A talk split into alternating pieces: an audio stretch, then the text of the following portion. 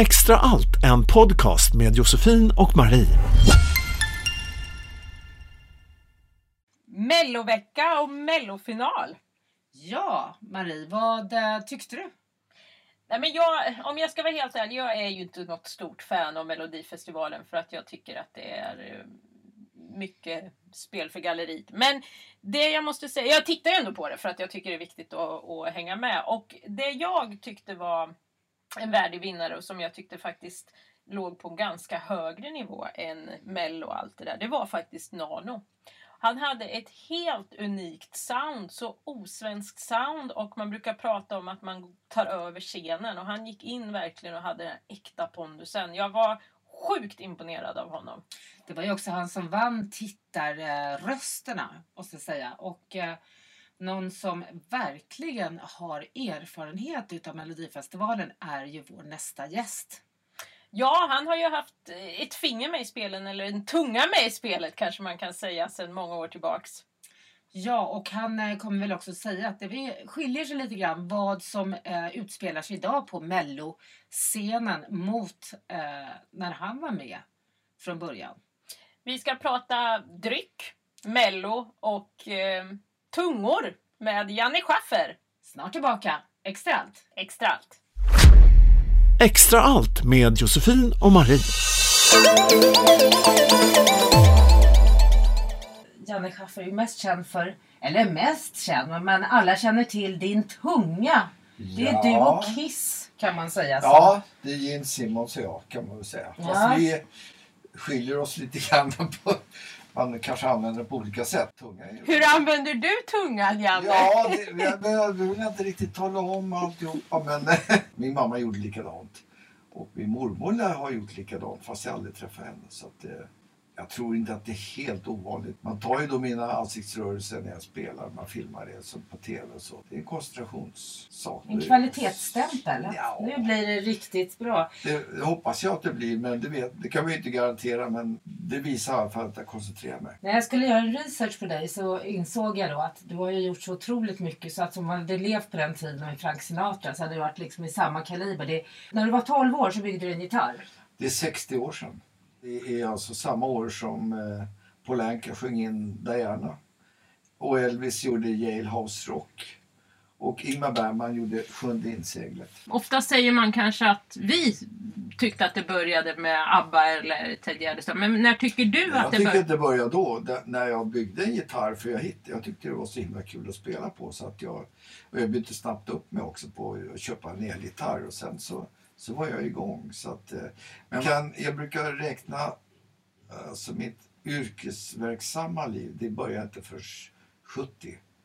När jag började som studiomusiker. Men innan dess så hela 60-talet pluggade jag. och Gick, tog studenten 66 och läste fyra år på universitetet, samhällsvetenskapliga ämnen och sådär. Och spelade med, jag spelade med Sleepstones, jag hade en egen grupp som hette Opus 3 och vi jobbade lite grann med, jag jobbade med Björn Skifs bland annat och Klabbe. Och, men 70 då var jag med på Björn Skifs första soloplatta som heter Both Sides Now. Och det var ju liksom startskottet. Sen spred det sig som en löpeld bland alla arrangörer. För det var ju, man spelade med olika orkestrar. Lasse Samuelssons körorkester, Claes Rosendahls kl- körorkester, Mats Olssons körorkester. Alla de här körerna och orkestrarna, det var ju liksom, det var samma musiker fast det kompade olika artister. Då, då. Skifs var det första riktiga kan man säga. Då. Sen blev det Anita Lindblom, Inger Öst, Family Four, Anita Lindblom, eh, Lill Lindfors.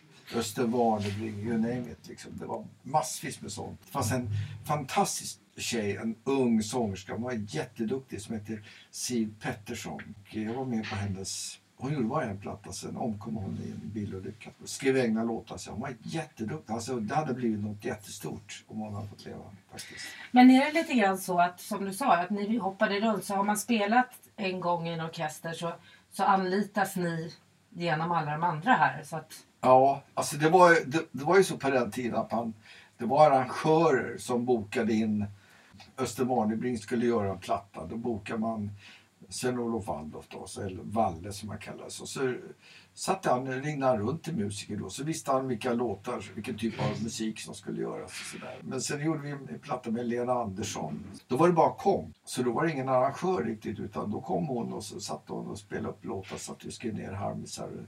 På två dagar gjorde vi den, en lördag och en söndag. För hon var ledig, hon var 15 år och gick i skolan. Det var väldigt olika. Men du, det här med eh, samarbetet eller vi ska med Bob Marley då, i pannrummet. Ja, just det. Ja, och det, det är ju också en sån där klassisk historia som jag... Jag blev intervjuad i ett, för ett tv-program som heter Reggae i Sverige. Men tyvärr klippte de bort hela historien så att man begrep inte så mycket att jag hade varit med på en inspelning med Bob Marley. Men hela historien var ju det att de skulle göra en svensk film som heter Vill så gärna tro. Och då hade man det var många svenska skådisar, Kristina Skolin, och så hade man tagit hit Johnny Nash som skulle spela huvudrollen mot henne och skriva musiken till den här filmen. Filmen handlar faktiskt om rasism, så den var lite före sin tid. Men, men den fick eh, alltså, väldigt urusel kritik, tyvärr. Och den, men den är inte så dålig som man som jag, om jag har sett den idag. Så att visst, den är ju inte, det är inget, det är ingen höjdarfilm, det är det inte. Men man, det är Stockholm då 1971. Va? Men i alla fall när när Johnny Nash kommer till Sverige så tycker jag nog att här var ju duktiga svenska studiomusiker. Så då passade han på att göra en massa demoinspelningar till sin kommande skiva. Och sen hade han varit på Jamaica innan och hört Bob Marley så att han säger till mig så här, ringer upp mig och säger kom, kom hit till huset. De bodde i Nockeby allihopa i en, en villa som de hade hyrt. Och jag åker dit och spelar upp en vinylskiva och så frågar mig vad what do you think about this Janne? Och då sa jag, ja, it sounds interesting. Det, var, det lät sådär va. Men så kom han hit då, Bob Marley. Det var ju bara det att hela huset kryllade av människor därför att de här amerikanerna hittade svenska flickvänner så hennes sovrum var fullt. Det låg folk överallt. Va? Det var, och, och varenda kväll var det party på Victoria. Fast jag var aldrig med på dem. Vi hade satt en massa andra inspelningar då. Men, i vilket fall som helst så kom han hit och då var det någon som sa, var fan ska han bo någonstans då, Bob liksom så här. Och, ja, då la man in en madrass i pannrummet och så bodde han där. Och så var vi med och så fick vi spela in då Bob Marley-låtar som demos till eh, Johnny Nash platta och vi gjorde Stir It Up bland annat. Och det, han är med i filmen också för han spelar akustisk gitarr. Så, att, så vi spelade lite tillsammans, kom ljudteknikern ihop som heter Lasse Rosin. Det, det var en fantastisk tid. Alltså man kunde ju inte fatta då att det här skulle bli en världsartist. Det fanns, ingen, det fanns inte på kartan. Men jag är oerhört stolt och glad att jag fick vara med där och det är ju ett minne faktiskt. Och, och huset finns ju kvar men det är många som har bott i det huset sedan dess. Så att idag så finns det ingenting kvar av, av det som var då på den tiden. Madrassen är utbytt. Madrassen, är allting ombytt. Hela huset är renoverat flera gånger om. Ja, vilken historia där. Det här var ju glada 70-talshippien där. Sen, jag menar, vad var det? Jag tänker på det där, alltså det är egentligen med facit i hand. Va? Alltså hela 60-talet då var vi hela den, den svenska musikscenen med Tages, Ola Jänglers och Sleepstone som jag spelar med, Hepstars, Hootenanny Singers och vad det var. Det var, det var ju alltså bleka kopior på utländska original. Vi försökte likna de försökte spela som Stones och någon försökte låta som Beatles. Maskots lät som Beatles lite grann. Sådär. Och vi försökte låta som Yardbirds för de var inte så bra gitarrist, Eric Clapton.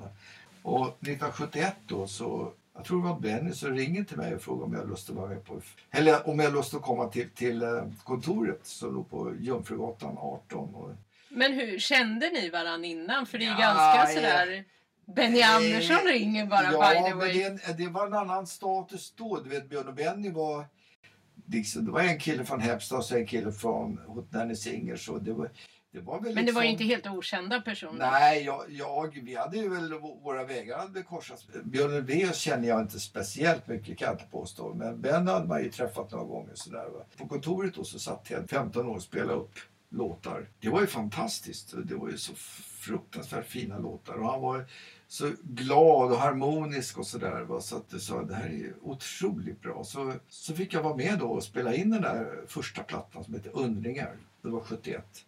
Och, eh, med på den, och då är det Ola Brunke på trummor och jag, Mike Watson och så är det Björn och Benny och sen körar då Anne-Frid Lyngstad och Agneta Fältskog. Så då fanns egentligen inte ABBA? Nej, ABBA fanns inte. Men innan Teds platta kom ut, den kom ut 72, hette Undringar, så blev vi uppringda av Björn Wennes och frågade om vi hade lust att vara med på en låt som heter People Need Love. Så den, det var ju första ABBA-låten. Och Björn Wenner fortsatte producera ytterligare tre plattor med Ted.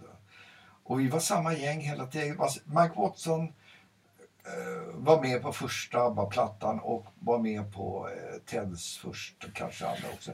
Men sen kom Rutger Gunnarsson in. Och Rutger eh, var basist och han kom genom eh, Björn Ulvaeus, alltså Hootenanny Singers. Han var fantastiskt trevlig.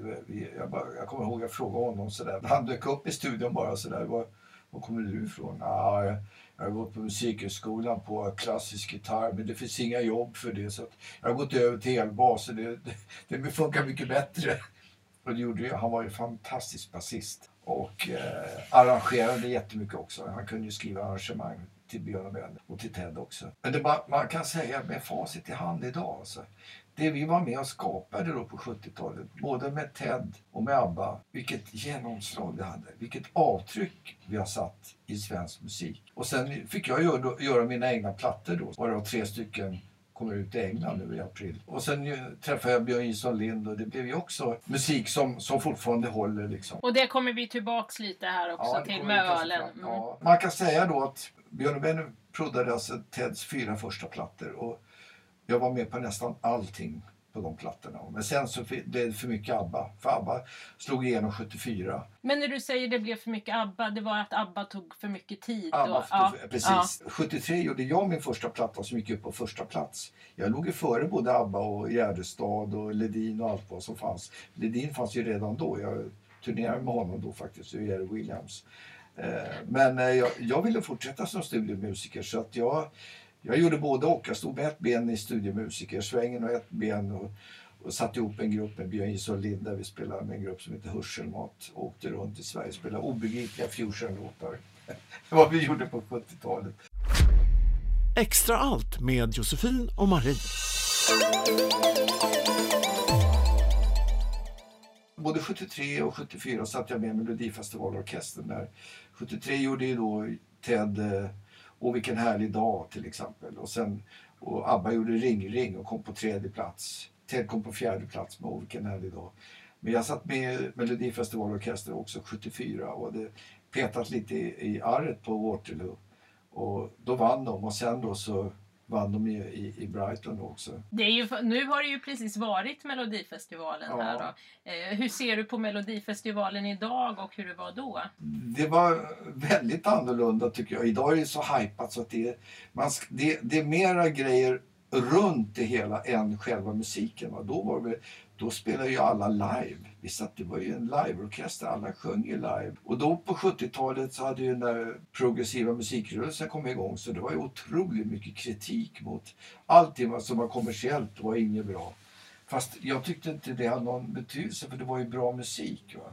Och att det skulle då vara politiskt, det, det Ja, om det är bra politiska texter så kan det ju vara bra. Det, jag menar, Leonard Cohen har gjort jättemycket bra och som finns politik i, den, i de texterna. Och jag jobbade med Cornelis på den tiden också och han gjorde fantastiska skivor. Men just de här, ska vi säga, när det blev så där dogmatiskt att det var bara liksom upp till kamplåtar liksom. Det det var inte din stil. Nej. nej. Men det är, det är väldigt intressant att höra för du sitter ju här och det kommer namn efter namn ja. efter namn. Och det är ju ganska etablerade namn som har hållit i sig. Liksom, hur, hur kommer det sig att just du fick ja. nys, eller att de fick nys på dig ska jag ja, säga. Det, Björn Skifs och alla det, de Det är ju en tillfällighet. Va? Det, skulle jag vilja påstå. Varför jag hade så mycket jobb då dels så kunde jag hänga med när de kom med noter och kunde sitta och spela då efter noterna och sådär. Men sen har jag alltid varit väldigt kreativ. Jag har ju alltid skrivit egna låtar och, och gjort egen musik. Det fanns ju inga färdiga arr på ABBA-låtar. Det fanns inga färdiga arr på Ted-låtar heller utan de skapades i studion när vi spelade in det. Det fanns inga färdiga arrangemang utan man spelade upp en låt och så fick man komma med lite idéer och så tog man ihop det där och, så, och allting blir ju live. Va? Det finns inga datorer, det finns ingenting som inga klick eller sådär. Va? Nu försöker man ju kopiera av det där va? men det är ju Skulle du säga att det var mer äkta på den tiden? det är, äkta är ett konstigt ord, det är väl äkta det som görs idag också men det fanns inte lika mycket teknik. En annan parameter i, som var på den tiden som var, han, det var ju Mikael B. Tretovs inspelningsteknik att kunna lägga, göra så otroligt mycket pålägg. Jag tror det bara fanns antingen 16 eller 24 kanaler. Va? Idag så kan, jag var och gjorde en inspelning i söndags med en kille som heter André Andersson som sjunger fantastiskt bra. Och jag tror jag la på 36 gitarrpålägg rakt av. Va? Det var ju omöjligt på den tiden. Va? Det kunde man inte göra utan man fick hålla sig till två, tre gitarrpålägg och sen spela så bra som möjligt. Men det gjorde ju också att man fick ju, man var ju tvungen att skärpa sig hela tiden. Man var ju tvungen att sitta och lyssna och spela exakt korrekt och rätt så var det kul också.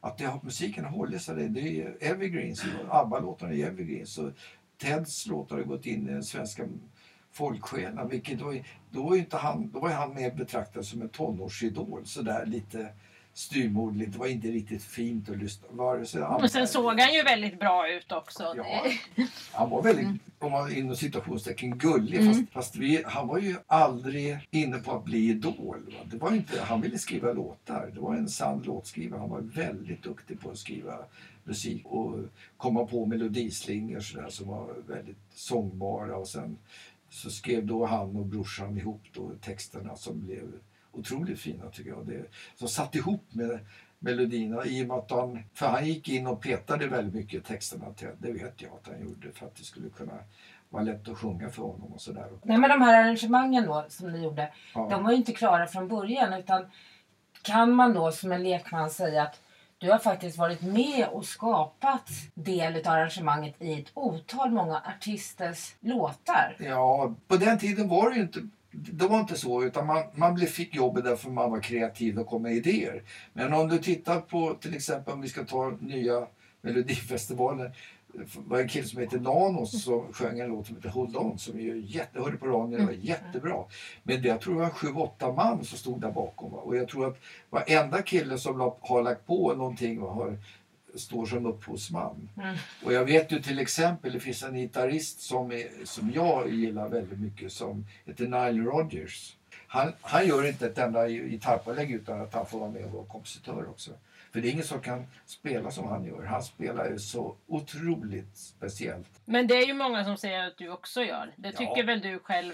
Ja, jag, spelar, jag har hittat min stil och jag tycker det, är- det är kul när folk ringer. Det är ju ganska både tjejer och killar som ringer idag.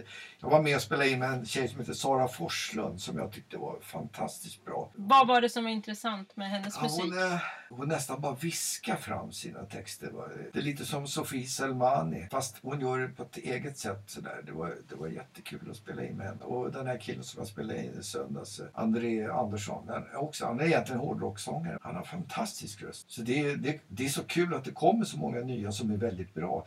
På 70-talet var det inte så många som var sådär jätte, jättebra. Men i och med musikutbildningar och, och all rytmus, alla, allt vad som händer runt omkring så så backar man ju upp musiken mycket mer på ett mycket bättre sätt idag. Är det någon speciell sådär som du ser, det här kommer att bli någonting riktigt stort? Det kommer ju aldrig bli som det var på, på 70-talet. Det kommer aldrig hända igen. Tyvärr. På något sätt så känns det som att skivbolagen har så stor makt idag och allting är lite hypat. Får man en hit så, och sen så... Jag satt, det fanns två namn som jag satt och tänkte på igår när jag spelade, i förrgår när jag satt och spelade in. Robin Stjernberg, vad tog han vägen? Yohio, som jag var, fick en otrolig sådär upphaussad och sen plötsligt så är det alldeles tyst. På den tiden, på 70-talet, så var det ju, då höll det i sig hela tiden. Jo, om man ska titta då historiskt så finns det vissa tidscykler som kommer igen. Och Beatles, det var ungefär tio år som de höll på. Eh, Bob Marley var, han höll på tio år. Också väldigt intensivt innan han eh, dog tyvärr. ABBA var också tio år. Innan de... Innan, det tog, Ja. innan de upplöste då, det var 71, 72 kanske man kan säga, till 82 då. Och sen producerade ju de massvis med andra grejer också. De gjorde ju Ted och de gjorde ju, Benny producerade en platta med, med eh, Gugge Drehn i storband som jag var med på också. Han gjorde, de gjorde andra grejer också. Agneta gjorde soloplattor som jag var med på och Frida gjorde också det på den tiden. Men det är egentligen ingenting som vi vet så mycket om. Nej, men de finns ju. Mm. Elva kvinnor i ett hus med Agneta. Det var ju en fantastisk skiva. Det var samtidigt parallellt med ABBA. Får jag bara fråga då? Det är ju väldigt mycket av det du berättar som vi känner till och som har blivit väldigt stort och lyckat och så. Är det någon musik eller något stycke som du känner att det här har inte riktigt fått den här uppmärksamheten som den här musiken förtjänade under din karriär? Ja, jag vet inte vad jag ska säga. Alltså det, det dyker ju upp saker nu som jag har glömt. I och med att eh, den eh, filmen om Harry Shine dök upp. Citizen Shine. Som är väldigt bra. Väldigt intressant film. Det var en intressant människa. Jag känner ju till honom, men jag träffar aldrig honom. Men alltså producenten, filmproducenten ringer mig och jag säger att du har en låt med här. Du spelar på hans 50-årsdag. Det har jag ingen minne av. Men visst, både bild och ljud kom på Ann-Kristin Henmark och den var ganska bra faktiskt. Jag har också blivit kontaktad av eh, en platta som heter A House Safe for Tigers med Lee Hazelwood. Och eh, det är en engelsk eh, engelsman som påstår sig vara manager för Lee Hazelwood en gång i tiden. Han sa det att du spelar på det, det anses vara Hazelwoods bästa skiva. Och- Vilket år var det? Eh, 76 tror jag, 77 någonstans där. Och jag, jag var också sådär tveksam. Jag, verkligen, har ju verkligen ringt till rätt kille.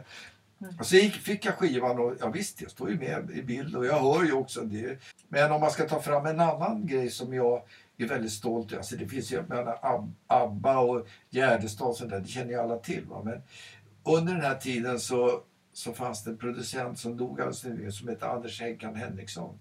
Och han sammanförde mig och Jason Lind med två engelsmän som hette John Gustafsson och Peter Robinson. Och de två var med på Jesus Christ Superstar, originalinspelningen med, med Andrew Lloyd Webber. Då säger de, till Henkan sa till dem att jag har kompisar i Sverige, Janne Schaffer och Jason Lind, de har skrivit några låtar, de vill ha med er på sin nya platta. Och till Jason och mig så sa han att de här engelsmännen, de har skrivit några låtar, de har med er på, på deras nya platta. Va? Så när vi kommer till studion så sitter vi där och tittar på varandra. Jaha, hade ni några låtar? Nej, hade ni skulle ha. Och så tittar man upp i kontrollrummet och satt Henkan och du vet, kröpa ner under mixerbordet. Och så, jag är. Men det är så man gör för att få folk att ställa upp. Ja, och då visar det sig plötsligt så säger jag jaha, så? Då kröp vi fram då. Och då sa Jason då att jag, jag har ju någon ligger lite, jag har skrivit en skvätt här som jag tänkte ha till min platta. Vi kan testa den. Och så, det är en liten sekvens bara. Third Meter Stroll heter den låten. Och så började vi spela in och så plötsligt så hade de några låtar. Och det slutade med att alltså, vi fick ihop en fantastisk skiva. Alla spelar så otroligt bra. Den heter Ablution. Och den plattan, är, det är bara instrumentalmusik. Det finns ingen sång, ingenting sånt där. Men Finns den att få tag i idag? det, jag var inne i en affär och alltså, hittar man, det finns bara på vinyl. Jag hoppas att det kommer ut på... En sån skiva kostar mellan 1 och 2 tusen spänn. Jag har den inte själv. Om man lyssnar på den så tänker man, hur i helvete fick vi ihop det här? Alltså det så... så Nästan, det låter nästan som du själv blev lite Ja, imponerad ja, av dig själv. Ja, ja, det blev jag. Och Extra allt med Josefin och Marie.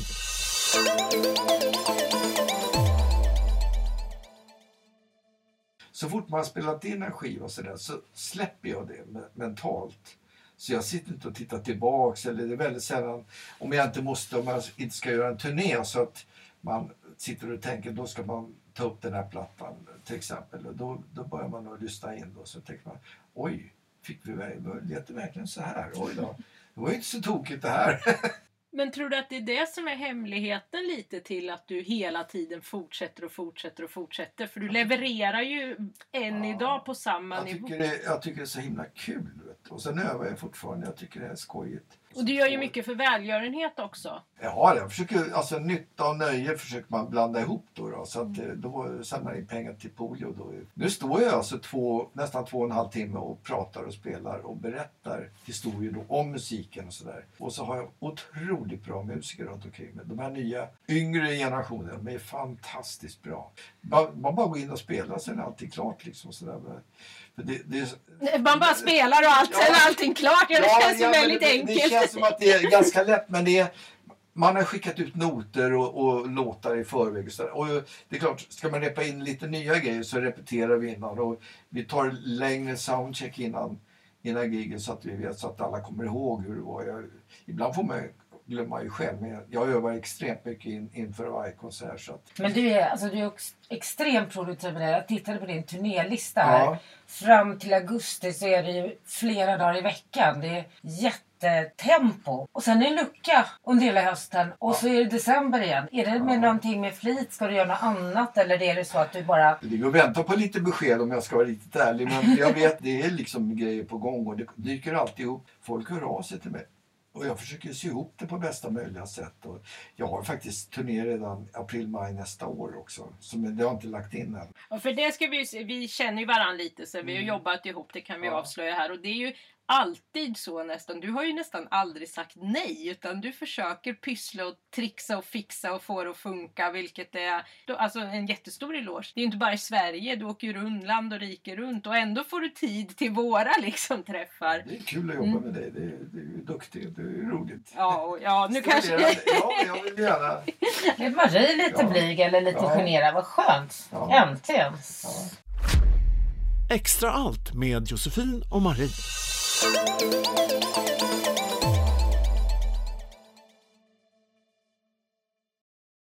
Men vi pratar mycket om det här med dels olika musiker som du har haft kontakt med och skivor som du har gjort. Och Mm. någon som jag har varit med då tillsammans det senaste här är ju det du gjorde med Lasse Åberg. Ja. Och han är ju även känd, inte bara mu- musik och sådär, men ni började med Electric Banana Band där eller? Ja, fast vi träffades redan 1963 på ett, tv-program som heter Gitarren där jag spelade elgitarr och Lasse var gitarrist. Jag vet inte hur han nu har ni bytt lite där! Ja, och eh, sen så var vi med i ett program som heter Snövit och de sju dvärgarna som var en tv-musikal av Bernt Egerblad. Och där Lasse var prosit och jag var, han var dvärg jag var också dvärg. Kloker, han, det var ju Björn Skifs och Kisa Magnusson och Elaka drottningen var Kerstin Dellert. Och, Det är inga dåliga namn. Nej, och, och, och Snövit behöver en sånglärare. Det var, han hette Hackvin och det var Thomas Ledin. Så det, var, det var väldigt bland. Hela Men sen, ja, men sen så gjorde vi, en, sen var jag med, när Lasse jobbade med Adel Stryver, så gjorde han en platta och då var jag med och lekte lite grann.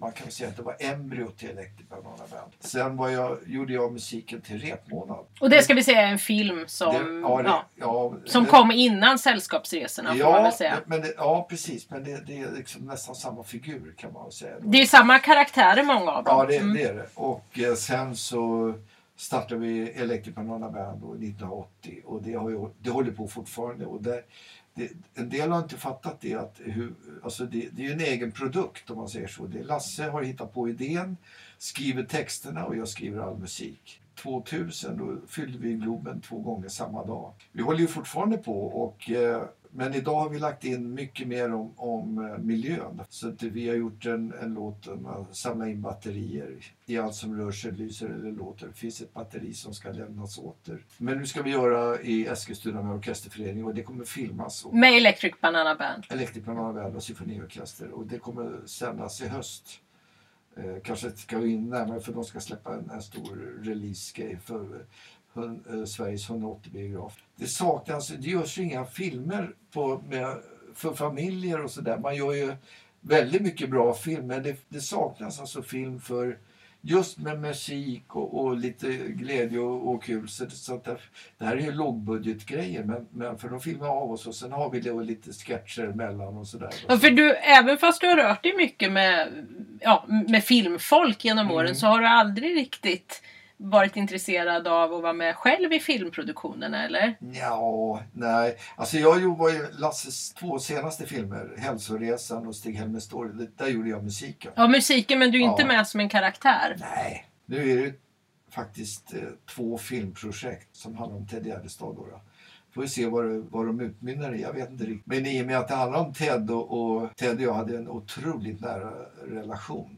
Både i studion och privat så, så klart att jag finns väl med där på något sätt, det tror jag. När du frågar om vilka plattor som man skulle vilja lyfta fram så just när det gäller Ted så är det ju hans sista skiva som heter Äntligen på väg som jag är oerhört stolt. Det var ju ett riktigt projekt som man inte riktigt visste om det skulle gå att genomföra och skivbolaget dumpade honom mitt under produktionen fast jag övertalade dem att behålla den så att göra plattan klar. Var, varför skulle de dumpa? Därför att eh, de, eh, de tyckte det drog ut på tiden och det blev dyrt för att han hade svårt att, att göra sina sångpålägg och jag fick sitta och lirka med honom hemma hos honom Mm. faktiskt. Och så trodde de kanske att det, det, att det inte skulle funka men då känner de inte Schaffer. Vet du.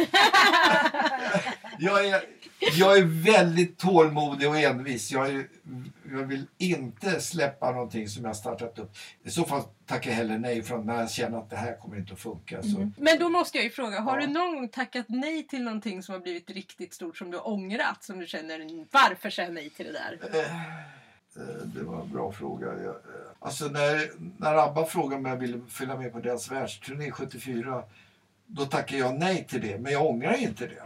För jag hade ingen möjlighet att kunna... Alltså då, vad jag då valde det var att satsa på mina egna inspelningar. Då fick jag åka till Hollywood och spela in med killarna i Toto. Det har ju aldrig hänt om inte jag... Och då sa jag samtidigt också att jag gärna med att spela in på skivorna. Men jag kände att jag ville...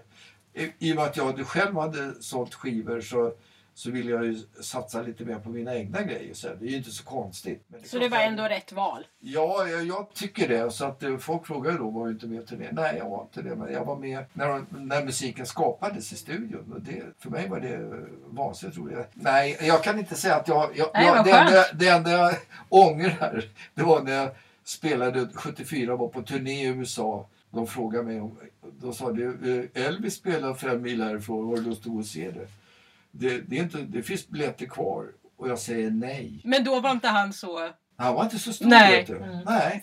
Och det kan man säga, det finns paralleller med det. Jag spelade på- Cornelis begravning 87. Och det var, alltså Cornelis var inte sådär s- jättestor då. Det blev efter hans bortgång. Jag spelade på Teds begravning 97. Det är alltså 20 år sedan i år. Och det var samma där. att det var men alltså, så populär som Ted är nu, det har jag saknat motstycke faktiskt. Jag märker ju det när vi är ute och spelar. Och Timo Räisänen som gör en hyllningsplatta. Det går hur bra som helst. Och det är många som har upptäckt honom nu. Det, men på den tiden var det ju inte, när det gjordes så var det inte riktigt samma grej. Va? Det var, han, var ju, han mådde ju inte bra och folk tyckte att det var, han var mystisk sådär. Men, men eh, Nej, men det stämmer nog för den generationen nu, eller ja, min generation. Vi kanske inte har så mycket kopplingar till hur han som person var då, eller hans Nej. karaktär. Utan nu är det verkligen musiken som lever musiken vidare. som- Ja, precis. Och den är ju väldigt, väldigt bra.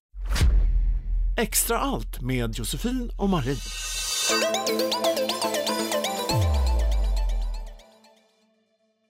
Det är ju väldigt många som har berört dig under, under din karriär och ditt liv. Och eh, en av de här är ju Björn som vi pratade lite om innan. Ja. Ja. Och han är ju faktiskt skälet till att du även har gått in på Josefins spår lite med dryck. ja. Och vi ser de här fina flaskorna här sen. Och det är ju faktiskt Lasse Åberg som har designat ett fint porträtt här. Är det nutid eller dåtid? Det är ingen skillnad. Det är nutid. Det är nutid, ja. Jag tycker det, det är mer klassiskt. Och du visade ju mig en skiva här med omslag från, när sa du? ja 95. Ja, och jag var tvungen att fråga om det var nytagen bild. Så Ja. att det... Ah, ja, men alltså det finns ju en historia med det här. Det är ju så här att det finns två grejer. Alltså för det första då 87 så spelade jag på Cornelis begravning. Och då drog man igång någonting som heter Cornelis-stipendiet som jag tycker har blivit en fantastisk manifestation för. Man delar ut det till folk som... Cornelis var med och skrev statuterna för det. Att det skulle vara någon som alltså, inte hade fått något statligt... Eh, han fick aldrig något statligt stipendium eller kommunalt. Och det delas ut till väldigt många. Och Gison fick det ett år också. Bland annat. Sen då tio år senare så dör Ted. Och då kände jag, hur ska man hedra Teds minne på bästa sätt? Jo, vi skapar ett Gärdestadsstipendium, Ted Gärdestad. Vi bildade det 99. Och jag jobbade med det 12 år aktivt. Och vi- hade hyllningskonserter eh, där Håkan Hellström var med tre gånger. Helen Sjöholm, Veronica Maggio, Ebbot, Robert Broberg, Freddy Wadling, Meja. Det- Det är, alltså, det är otroligt många. Det har funkat väldigt bra och det är många som har fått det. Jonathan Johansson, Thomas Stenström, Maja Hirasawa och flera. Fått stipendiumet alltså. Fått Mm. stipendiet, ja. Men sen då så dog ju Gison den 21 december 2013. Så vi gjorde tre minneskonserter och skulle skapa ett stipendium då för Björn Isolin. Ung, jätteduktig solist, instrumentalist. Han var ju med också och bestämde det skulle vara till instrumental. Det skulle inte vara någon sång. Vi delade ut det första året för två år sedan till Filip Gers och förra året till Emanuel Haile Mariam, en gitarrist som är otroligt duktig. Och, eh, I samband med det här så fick jag ett mejl från Bryggverket i Umeå så frågade jag om de fick brygga en öl som hette Janne Schaffel. satte jag två villkor. Ena var att Lasse Åberg skulle göra teckningen och så sa jag att jag kan inte tänka mig att ta något arvode för det här men om ni skänker mitt symboliska arvode direkt till eh, Gison-stipendiet så går jag med på det här. Och det gör man och det funkar väldigt bra. Och det är lager, 5% och den har redan vunnit utmärkelse som bästa lager Och den ska vi ju faktiskt smaka nu. Vi har ju fått klart äntligen våra fina nya extra allt-glas som vi ska inviga. Så du blir våran Ja, första, Vad roligt! Eh, ja. jag ska inte säga försöksperson, Nej, men det vår är det första inte. VIP. Nej. Säg det. Vår första VIP. Titta! Oj, vad fina! Mm, som jag har designat Åh! och formgivit. Gud vad snyggt! Ja. och sen är det Askvalls gravyr som har gjort gravören där. Och det ska vi ju faktiskt erkänna är Josefins fästman. Alla får dra sitt Det är en familj. ja. Det är bara jag som inte ingår i familjen, men jag, jag dricker öl. Det, Ja. det är där jag kan bidra med. Ja.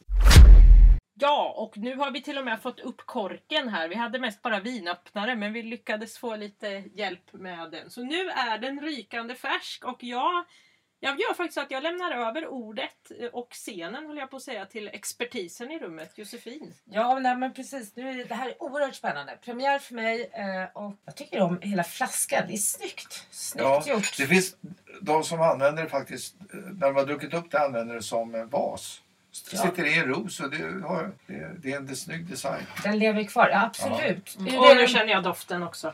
mm. och det är så härligt Maria att du säger doft. Jag har lärt mig. Ja, det är många som säger att det, nu känner jag lukten. Men lukt är faktiskt någonting som är otrevligt. Det luktar illa och doftar Ja, gott. just det. Men Precis. det är väldigt många som har svårt med det. Det är nästan som man skulle vilja ha en affisch på det där. Ja, det vet jag inte om det finns. Men, Nej. eh, Och nu ska Det vi... kanske kan bli en liten exklusiv Ja. affisch. aldrig. Men det ska vi ju faktiskt säga att vi hade ju förra avsnittet gästades vi av Kristoffer Ruskan och han berättade ju att hans första flaska hade han inte sparat. Nej. Och det ångrade ju han men till slut Ja. så efter, vad var det, tio år så Mm. fick han en kompis som hade hittat den här på något ställe. Så att Janne, spara nu ett ex av den här om du inte redan ja, har ja, gjort ska, det. Nej, jag, jag ska göra det. Nu Mm. ska jag vara tyst och dricka. skål. Väldigt fin. Frukten, förutom den här malt och humle så det kommer någon sån här nästan grapefrukt eller någon liten så här mer citrus, väldigt angenäm. Apelsin, Mm. aprikos.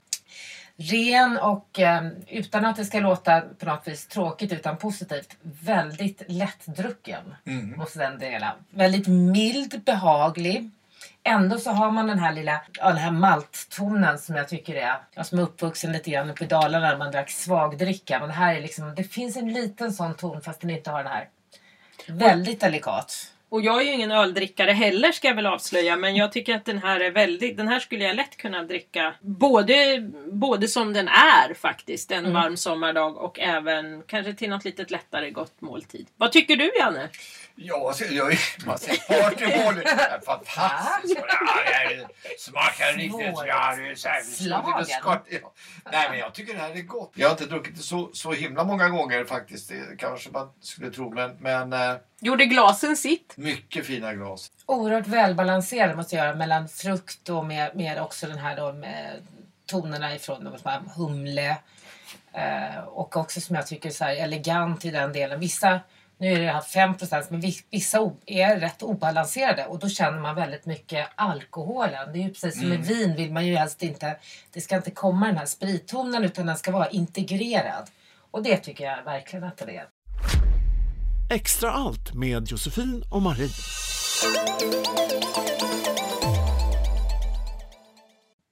Ja, och vår förra gäst Fredrik Sträng hade ju en fråga till dig Janne som lät så här. Jag är ju inget musikfenomen, verkligen inte. Kort fråga nu. Ja, men jag skulle vilja veta, vad gör du specifikt för att infinna dig i ett kreativt tillstånd? Alltså det är ju så här att jag övar ju nästan varje dag och när jag är, ska vi säga, glad, nöjd och känner mig väldigt positiv till, till mots, vilket jag gör nästan jämt, så ligger jag och övar och är jag väl utsövd och absolut inte bakis så ofta så kommer det bara leka på gitarren och så kommer det grejer i huvudet. Det är väldigt svårt att, just den här kreativa processen det är väldigt svårt att definiera när det kommer. Plötsligt så bara hitta. Oftast kan det vara att man spelar fel va, på, på gitarren. Så där. Men det där, men så tittar man, lyssna igenom. Ja men det här var ju ganska kul. Det här lät ju inte så dumt. Jag fungerar nästan bäst när jag får ett uppdrag. Att om Lasse Åberg skickar med en text. Tar jag texten och sitter och tänker lite grann och så leker jag och så plötsligt så hittar jag någonting till det. Alltså egentligen om man då ska försöka, men var är det, kan man få frågan, men, men vad är det som händer då?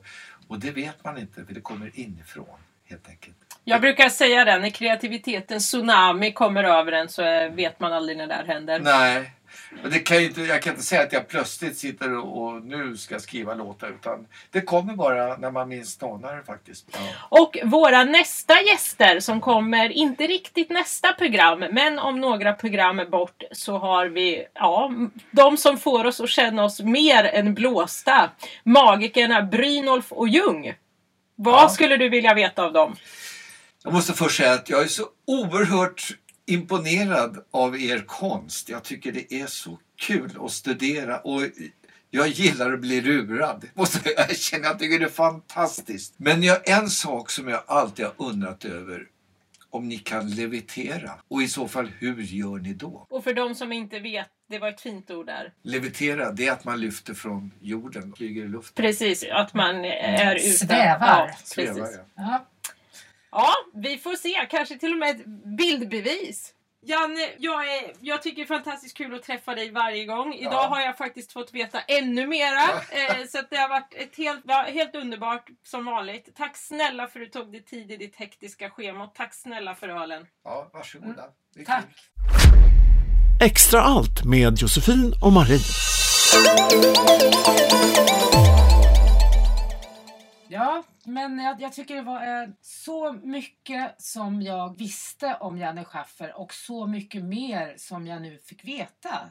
Det verkar vara en outtömlig källa på både inspiration och eh, influenser. Ja, det var verkligen helt fantastiskt att eh, det bara bubblade upp mer och mer och mer och mer ju mer man pratar med honom. Och, ja, det tar aldrig slut. Nej, men det härliga med Janne tycker jag också är att jag har en sjukt och djup respekt för honom som yrkesman. Eh, men det också var så här underbart skönt att bara hänga med honom. Ja, absolut. Han, är, han känns väldigt naturlig och som sagt, han, han har jobbat med eliten, eller han är ju en av eliten och ändå kan vara så jordnära. Nu börjar Josefin bli trött så att nu ska vi Nu ska vi avsluta den här fantastiska podcastavsnittet genom att ge ett varmt tack till Janne som ställde upp och jag får ge ett varmt tack till dig Josefin som Ja, och orkade komma så hit. trött är jag faktiskt inte. Men, Nej, men du eh, har sprungit på mycket, mycket mässor, jag vet det. Jag förstår det. Ta musten ur dig. Eh, själv sitter jag bara bakom eh, en, en dator och en telefon. Så att jag... Det är inte mycket du gör Marie, men det är kul i alla fall också att du vill medverka i programmet. Så att, eh, jag ser fram emot nästa vecka. Extra allt! Om Josefin orkar. Extra allt. Extra allt, en podcast med Josefin och Marie. Du åker dit rejält nästa vecka kan jag säga.